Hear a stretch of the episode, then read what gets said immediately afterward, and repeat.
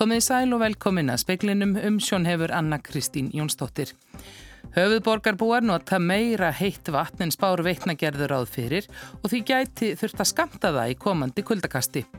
Appelsínugul veður viðvörn er í gildi á Suðausturlandi vegna norðan og norðvestan róks, gular viðvarnir allstaðar annar starf á landinu og fimpulkulda er spáð útvikuna.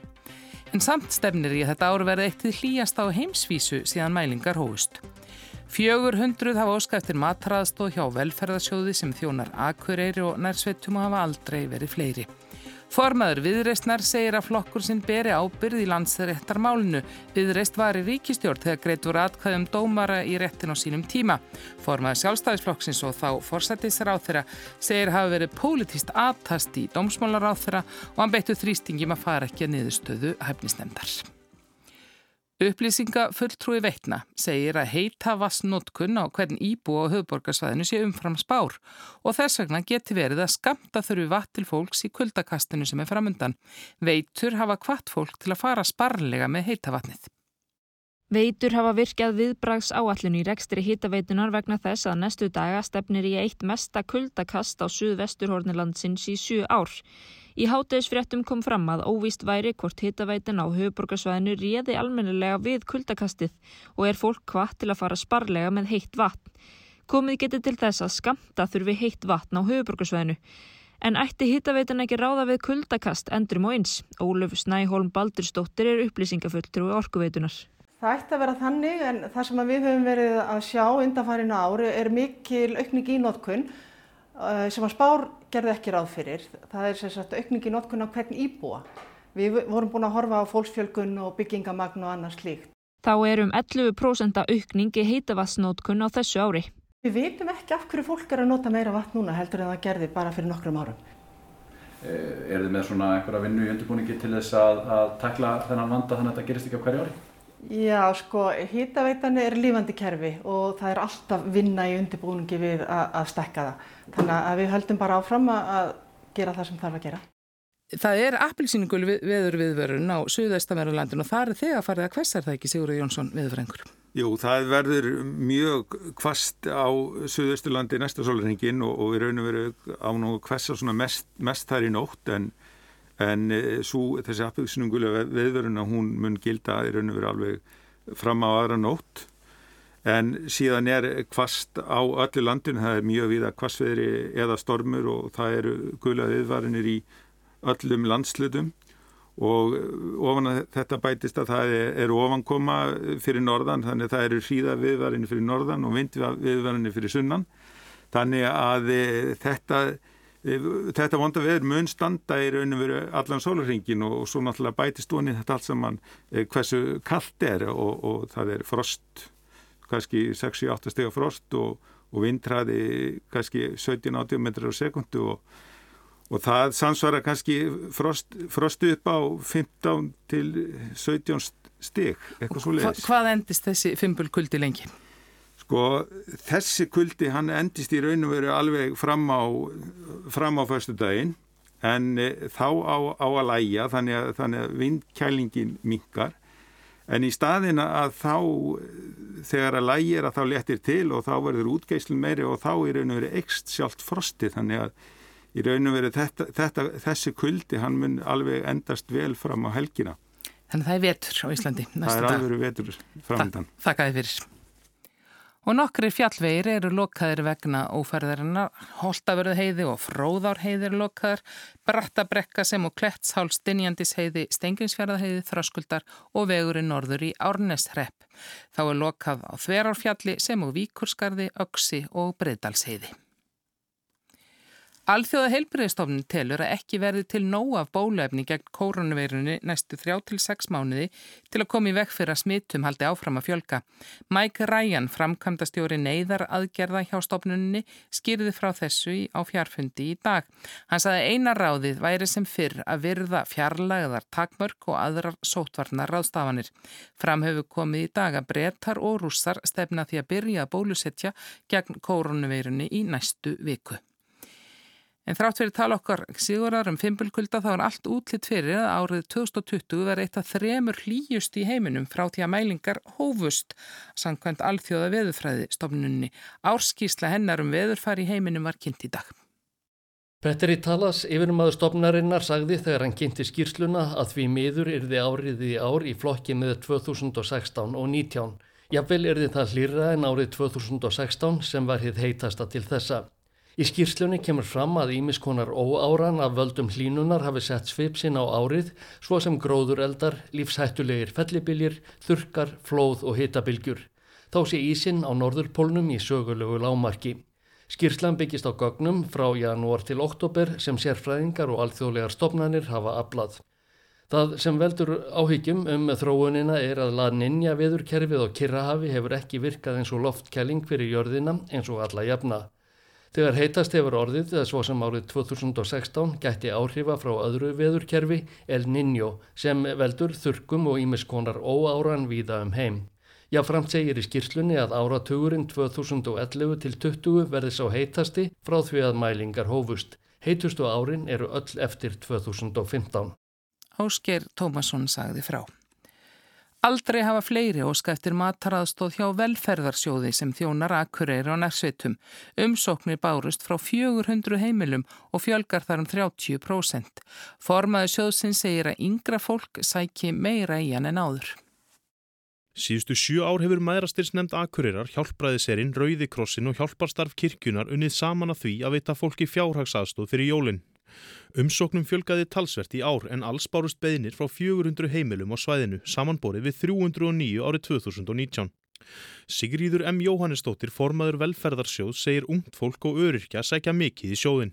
Það, það er meiri ásókn hjá okkur núna í árhaldurinn hefur verið og þetta er um 30% aukning frá því þeirra. Tón okkur af yngra fólki. Þannig að þið, þið merkið það að yngra fólk sé að segja í meira mæli til ykkar? Já jafnvel frá 18 ára aldri. Og hvað skýrir þessa aukningu? Ég er bara atvinnu ástandið. Það er bæði at, atvinnu missir og lókum fyrirtækja og, og þingra hjá öryrskjum. Saði Sigriður M. Jóhannsdóttir, Óðinn Svan Óðinsson tók saman. Ráðstefna um efnagslegan stuðning við Líbanon. Ráðstefna sem stjórnvöldi Fraklandi og saminuð þjóðnar efna til hófst á sjötta tímanum. Búist er við að lovorðum stuðning verði skilirtu umbætur í stjórnkerfi landsins. Ástandið í Líbanon hefur verið afar slemt síðustu ár. Í oktober í fyrra hófust mótmæli vegna áformaðra hækkan á elsneiti og öðrum vörum og þjónustu. Einnig var mótmælt miklu atvinnuleysi og lélegri grunnþjónustu þar á meðal takmarku aðgengi að vatni og ramagni. Mótmælinn snýrust upp í andof gegn ráðandi öflum í landinu og voru fórustu með stjórnmálaflokka og ennbættismenn sakaður um spillingu. Trátt fyrir að mótmælendur væri beittir hörðu var ekkert láta á aðgerðum þeirra og stjórnmöld lofuðu þá bót og betrun og stjórnin sagði af sér. En enn hefur þó ekki tekist að mynda nýja og starfhæfa stjórn. Fjöldi flótamanna í landinu frá Sýrlandi hefur auk þess sest stryk í rekningin og ekki bætt úr skáksprengingin í Beirut fyrir fjórum mánuðum þar sem um 200 fórust og mikil eidilegging varð. Frakkar fyrirverandi nýlendu herrar hafa reynt allt hvað þeir geta til að fá líbanska stjórnmálaflokka til að samþykja umbætur og breytingar á stjórnkerfi landsins og er haft eftir heimildamennu tengdum rástefnunni að mikil þrýstingu sé í þá veru sem geti skipt sköpum um hvort líbanar fái vítakan stuðning frá þáttakendum á rástefnunni. Kristján Robert Kristjánsson saði frá.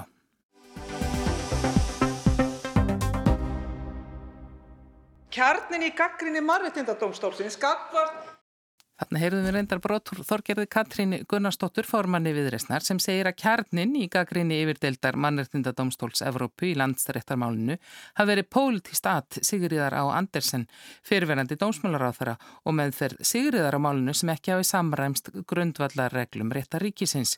Bjarni Bendiktsson, fjármálaráþara og forstættisráþara í þeirri ríkistjórn segir að það hafi verið aðtast pólitist í þáverandi dómsmálaráþara og þess krafist að hún ekki verða sína tillugu því að slíkt myndi alþingi aldrei samþykja.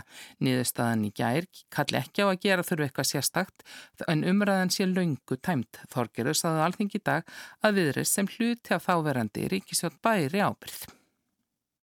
Kjarnin í gaggrinni mannréttindadómstólsins gagvart þessum ráðherra er nú einmitt sá að það var pólitískt að hennar og meðferð hennar á þessu málu öllu sem ekki samramist grundvallarreglum réttaríkisins. Unga miðjan í dómunum, hún er skýr, sem segir brot dómsmálaráðherrans fyrirverandi ekki síður alvarleg fyrir þær sakir að hún hafi ítrykkað verið vöru við því að verklag hennar stæðist ekki bæði af sérfræðingum í ráðuneyti hennar, ráðuneytisstjóra síðan formanni hæfnis nefndarinnar. Um þetta mál upplýsti hún hvorki samstarfsflokka né þing eins og þekkt er og hún fór ekki leið upplýsingar, hún fór leið blekkingar. Viðreist var í stjórn á þessum tíma og við berum okkar ábyrgð. Það höfum við sagt og það segi ég aftur. Hér talar háttundu þingmaður um að fyrirvændi dómsmálaráþara hafi verið með pólitist at. Við skulum þá í þeirri umræðu ekki gleyma öllu, öllum þeim sem voru pólitist að atast í dómsmálaráþarannu sjálfum og krefjast þess að hann leti niðurstöðu hæfnisnefndarinnar ekki verða sína tillögu. Skilabóðin hérðan frá alþingi og alþingi reyndar fær á baukinn í þessum dómi e, voru, þau, voru þau að alþingi myndi aldrei, aldrei samþykja þessa 15. Þetta mál hefur leitt til þess að 17 dómarar Marittindadómstólsins hafa komist að afgerandi niðurstöðu sem er einfallega íslenskum stjórnvöldum í óhag. Svo niðurstöða kallar á að við eigum hér vitrænt samtal um hvernig við ætlum að bregðast við niðurstöðinu og hvernig við síðan ætlum að vaksa í kjölfarið. Því er ekki einu sinni haldið fram í þessum dómi síðan í gær að okkur beri að grípa til nokkura sérstakara ráðstafana. Við þurfum bara einfallega að leggja mat á það. Þannig að, að þessu leiti til er umræðan fyrir löngu síðan tæmt með dómum hæstaréttar. Ég ætla síðan að að segja að mér finnst það ósmekklegt að halda því fram hér um fólk sem ekki tekur þátt í umræðinni að það hafi verið að beita þingið blekkingum. Ég veit ekki annað en að þingið hafi fengið svör í málsmeðferð þessa máls við öllum spurningum sem að, að ráðunettinu var beitt, beint og hafi tekið upplýsta ákvörðun meðal annars um að greiða atkvæði fyrir alla í einu. Yfirdeild mannréttindadómstóls Evrópu staðfesti gæri í megin atriðum dóm dómstólsins frá því marsi fyrra um að Íslenska ríkið hefði brotið gegn sjöttu grein mannréttindasáttmála Evrópu, grein sem hveður á um rétt einstaklinga til réttlátrar málsmeðferðar. Guðmundur Andri Ástrásson hefði ekki fengið slíka meðferð í landsrétti því svo verulegir annmarkar hefði verið á skipan eins landsréttar dómara sem dæmdi í málans að samanlagðir hefðir falið í sér gróft brot á landslögum sem gilda um skipan dómara. Eftir dómin í fyrra létt dómarinn af dómstörfum sem og þrýr aðri dómarar en sömu sjónamiðum skipan þeirra voru talingið tátt við. Þrýr þessara fjögura dómara hafi verið skipaðir aftur í landsrétt með formlugu ferli. En hvað þýðir þetta fyrir málguðmyndar sem leitaður með til Strasborgar? Dómurinn sem slíkur sem var kveðin upp af hæstarétti í mæ 2018, hann stendur. Hann er endalegur eina, einu möguleikin til að hrópla við honum er að fara fram að endur upptöku fyrir endur upptöku domstól uh, dómi. Í sjálfu sér sko Strasburg hann er ekki fjórða stig. Þar er hann endur skoðar ekki dómun sem slíkan hæstartadómin þannig að hann heldur alveg gildu sínu. Og það sem stendur í þeim dómi það stendur enn segi Kristín Bendiktsdóttir, dósend við Lagadilt Háskóli Íslands. Á vef Dómsmála ráðunitsins kemur fram að frá því að landsréttur tók til starfa í byrjun á 2018 fram að niðurstöðu mannréttinda dómstólsins í marsi fyrra hafi dómararnir sem um var deilt komið að rúmlega 200 málum, 85 sakamálum og 120 engamálum. Það sé nýs endur upptöku dómstóls að taka afstöðu til þess hvort málinn skuli tekin upp ef þess er óskað. Það eru ákveðin skilirði fyrir endur upptökunni og þegar maður kemur með beðinu um endurupptöku þá þarf náttúrulega bara að sína fram og reyna að uppfylla þau skiliri og þau eru frekar ströng. Og það í raun og veru ef það hefur áhrif á nýðustuðuna sem slíka, það er eiginlega megin þemað varandi það. Það þurfa að vera ný gögn og upplýsingar og svona dómsnýðustæða, alþjóðlegs dómstóls tólkast núna eftir breytingar sem hafa urðu á endurupptöku beðnum eða já, um fjöllunum endurupptöku beðnir fyrir þessu nýja enduruptöku dómi að þá er hægt að leggja svona dómsniðustu til grundvallar en það eru samt ströng skilir þannig að þetta þarf í raun og veru eins og ég segi megin þegar maður þarf að vera að þetta hafi áhrif á niðurstöðuna. Kristín segir þetta ekki beina áhrif á störf landsréttar nú. Í framhaldinu þeir sem hafa fengið dómuppkveðin á þessu tímabili þar sem þessi dómarar fjórir sem voru undir í málinu og þetta er þá bara afmarka tímabil og ég sjálf sér kannski ekki mjög lánt að þeir geta leita til enduruppbyggu dóms og krafist enduruppbyggu á þeim dómsniðustöðum og svo er það náttúrulega þá dóms, sá dómstól sem er sér dómstól sem tekur afstöð til þess og hans niðustöð er endanleg. Og þá ef hann fælst á endurupptökuna til dæmis þá, það fyrir eftir hvort þetta hafi þá verið landsréttar niðurstöða endanleg eða hæstaréttar, þá fer hún bara sína leið fyrir þann dómstól og þá eru þá aðri dómarar sem að sitja í því máli og taka þá afstöðu ef að það er fallist á niðurstöðu um endurupptöku. Og af þessum 200 málum þá er kannski ekki endilega víst að allir myndi vilja leita eftir endurupptöku heldur. Nei, alls ekki. Það eru örgulega stór hluti sem er bara sáttur. Til dæmis menn sem hafa verið síknaðir, aðilar í dómum. Þeir eru náttúrulega alls ekki að fara að leita endruptöku og svo getur líka vel verið í engamálanum. eins og ég segi það er en mjög miklu stífæri eh, mat varðandi endruptöku. Er alltaf aðeins öðruvísi varðandi sagamálinn en það er ekkit víst að það uppfyll þessi skilir þið. Þannig að það bara láta reyna á það hverju sinni. En ég tek fram að í dómi mannreitindadómstólsins að þá var náttúrulega tekið fram að það væri engar hvaðir á Íslenska ríkinu um að taka af skarið og uh, endur upptöka öll þessi mál. Þannig að þetta liggur hjá aðilónu sjálfu. Það er þeirra að gera þá breyðast við. Kristín tekur ekki undir það að vegna niðurstöðu mannreitindadómstólsins rík einhver réttar á þessa? Nei, alls ekki. Ég líti ekki svo á. Það er bara þetta fer sína leið og það er, eins og ég segi, við vitum ekkert hvað þetta verða mörg mála endanum og það getur spannað mörg ár því það er engin tímafrestir á enduruptökubeginum og það er hægt að fara bara þess vegna, það er búið að fullista dóminn kannski í sagamálum og þú er búin að sitja inni eða eitthvað þess aftar og þá getur náttúrulega bara farið fram á enduruptöku þannig að nei, það þarf alls ekkert að vera En hver eru áhrifin helst og hver eru viðbröðin sem verða við svona niðurstöð eins og þessari? Þessi niðurstaða, hún er í sjálfu sér kannski bara tæknileg, myndi ég segja. Ég er ekki að gera lítið úr niðurstöðinu, alls ekki, en þetta er náttúrulega, sko, eins og ég sagði áðan, að dómar hægt þetta stendur.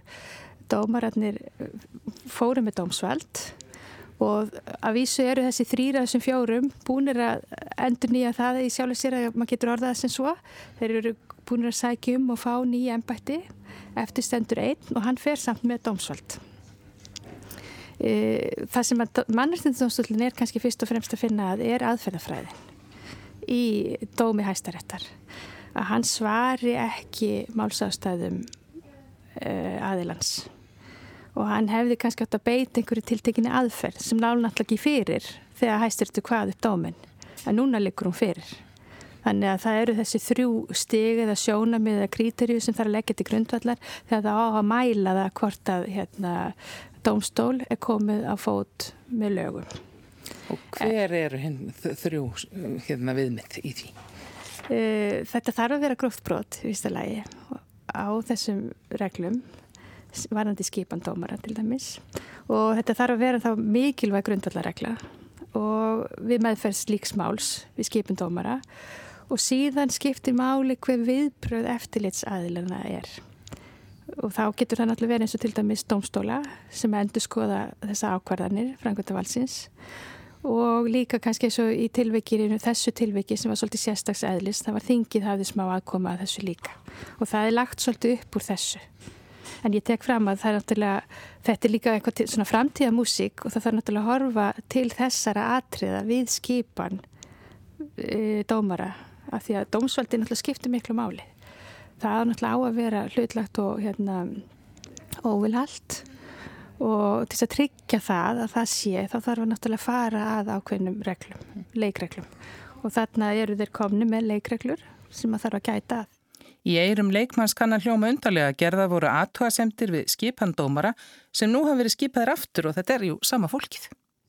Já, þetta fólk var náttúrulega hæft og er hæft og hefur alltaf verið og allir þessi sem sóttum og voru metnir voru taldir hæfir Þannig að það sjálfur sér, bara, svo er það bara metið þegar sækjum aftur þá eru þeir hæfastir umsækjenda.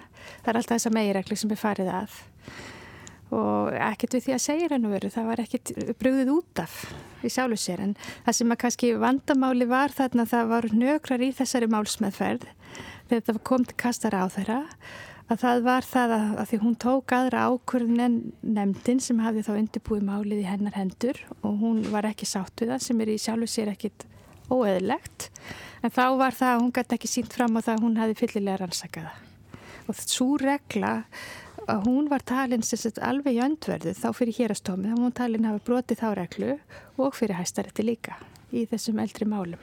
Og síðan kemur þá mannrettindadómstöldin ofan á og er líka þar.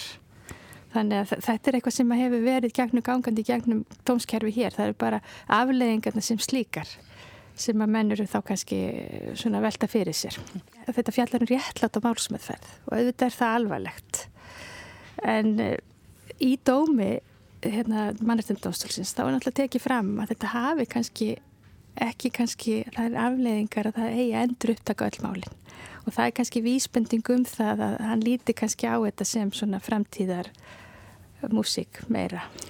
Eh, þarf einhver frekari viðbröð? Svona í fljóðubræði myndi ég halda ekki. Saði Kristín Bendiksdóttir, dósent við Lagadild Háskóli Íslands.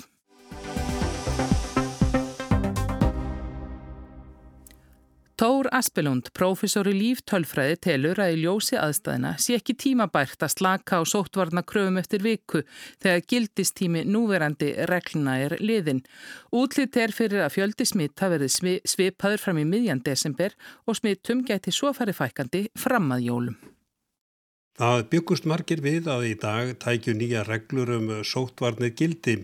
Heilbriðs ráð þeirra ákvað hins veri gær að framleikja gildistíma þeirra regluna sem gilt hafa frá 18. oktober um eina viku. Þorálur Guðnarsson sóttvarnalæknir hafði skila minnisblæði 25. november til ráð þeirra sem gerði ráð fyrir ymsum tilslökunum. Fólk gæti farið aftur í sund, lagða voru til breytingar á fjöldatakmörkunum, bæði vestlunum, öðrum en maturverslunum og á veitingastöðum og það átt að slaka á í íþróttum og í leikúsum. Ekkert var þeins vegar af þessu, ástandið breyttist og smitum fjölgaði. Sótvaðalæknir sem hafði skila minnisblæðinu með fyrirvaran dróða tilbaka. Á mánudagin skila hann öðru minnisblæði þar sem hvað við allt annan tón. Lagt var til að þá gildandi reglur myndu gilda áfram næstu tvær vikurnar. Fjöldi smita hefur verið svipaður síðustu daga. Í fyrra dag voru innanlandsmit átján og þar af sjö utan sótkvíjar. Í gær voru þau 16 og 5 ekki í sótkví. En það er auðvist margir sem velta því fyrir sér hvað gerist á miðugudaginn þegar gildist tími núgildandi regla rennur út. Verður þá hægt að slaka á. Þessu er að sjálfsögða ekki hægt að svara því engin veit hvernig veiran mun hegða sér næstu sjö daga. Normenn sett okkur á rauðan lista þegar nýgengi smita hér á landi fóri við 20. Það er núna tæplega 43. Sótvatalagnir er bóðaði tilslaganir þegar dagleg smit voru komið niður í 3-4.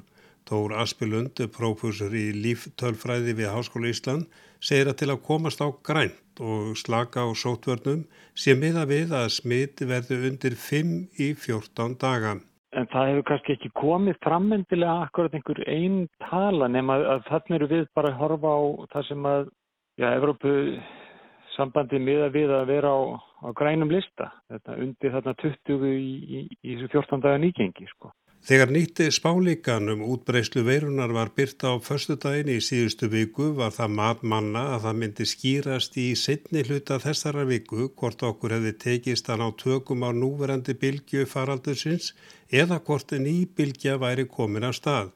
Tór segir að þá hafi verið settir fram tveir möguleikar.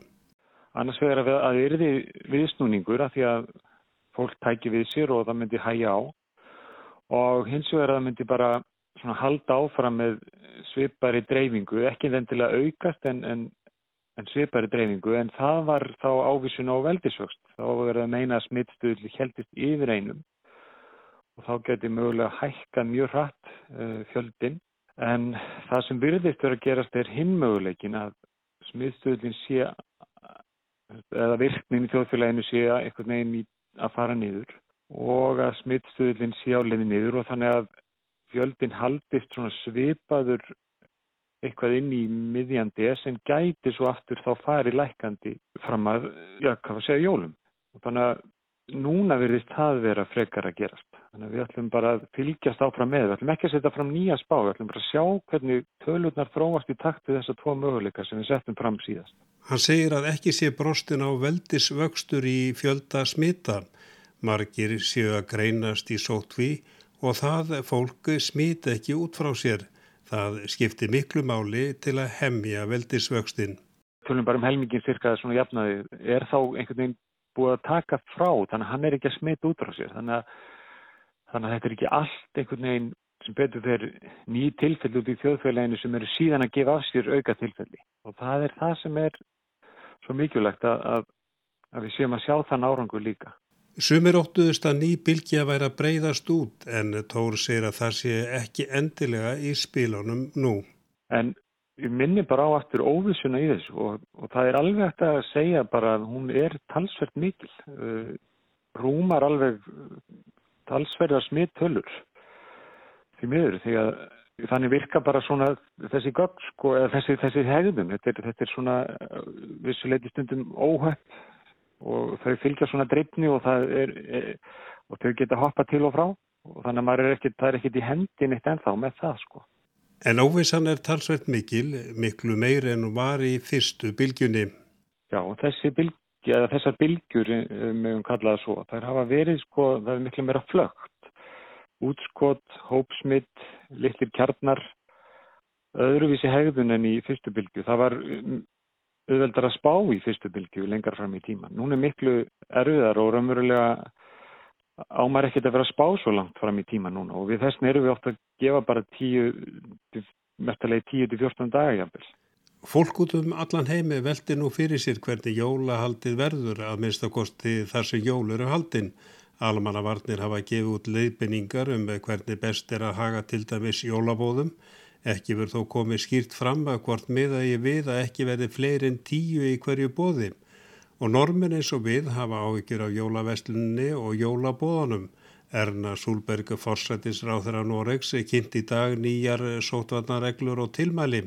Lagtir til að fólk vaknir til dæmis nefna til að kaupin fyrir jólin og losni þannig við að standa í röð.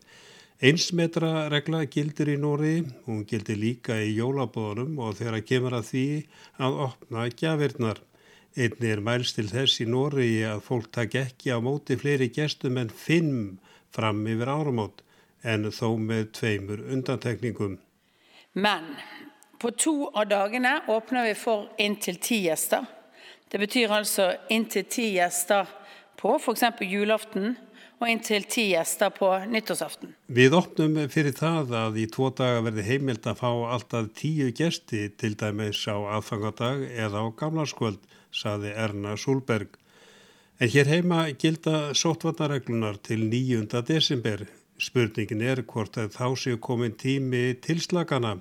Tór Aspulund er ekki sótvarnalagnir en hvert er álit hans? Eru líkur á að hægt verði í ljósi stöðunar að létta á takmörkunum? Stuttasværi bara nei, ég held ekki. Ég held að það verði bara að sjá þetta fara alveg hérna niður undir þess að tölu 5 sem við erum allavega meða við og ef ég, ef ég væri að, að stjórna því eitthvað en ég er það náttúrulega ekki en, en, en þá myndi ég halda að það væri ekki tímabært bara því að svo horfum að líka þetta á spár frá öðrum aðilum sem eru ekkert bjartsýtni eða heldur svartsýtnin við jafnvel en okkur við fundist stundum að þeir hafa ekki kannski alveg tekið inn í þetta með árangurinn hérna að vera með, með sóttkvína og smitrakninguna þannig að við hefum svona heldur verið bjartsýtni en þeir en þannig að ég vil bara segja að við hefum bara að fara að valja.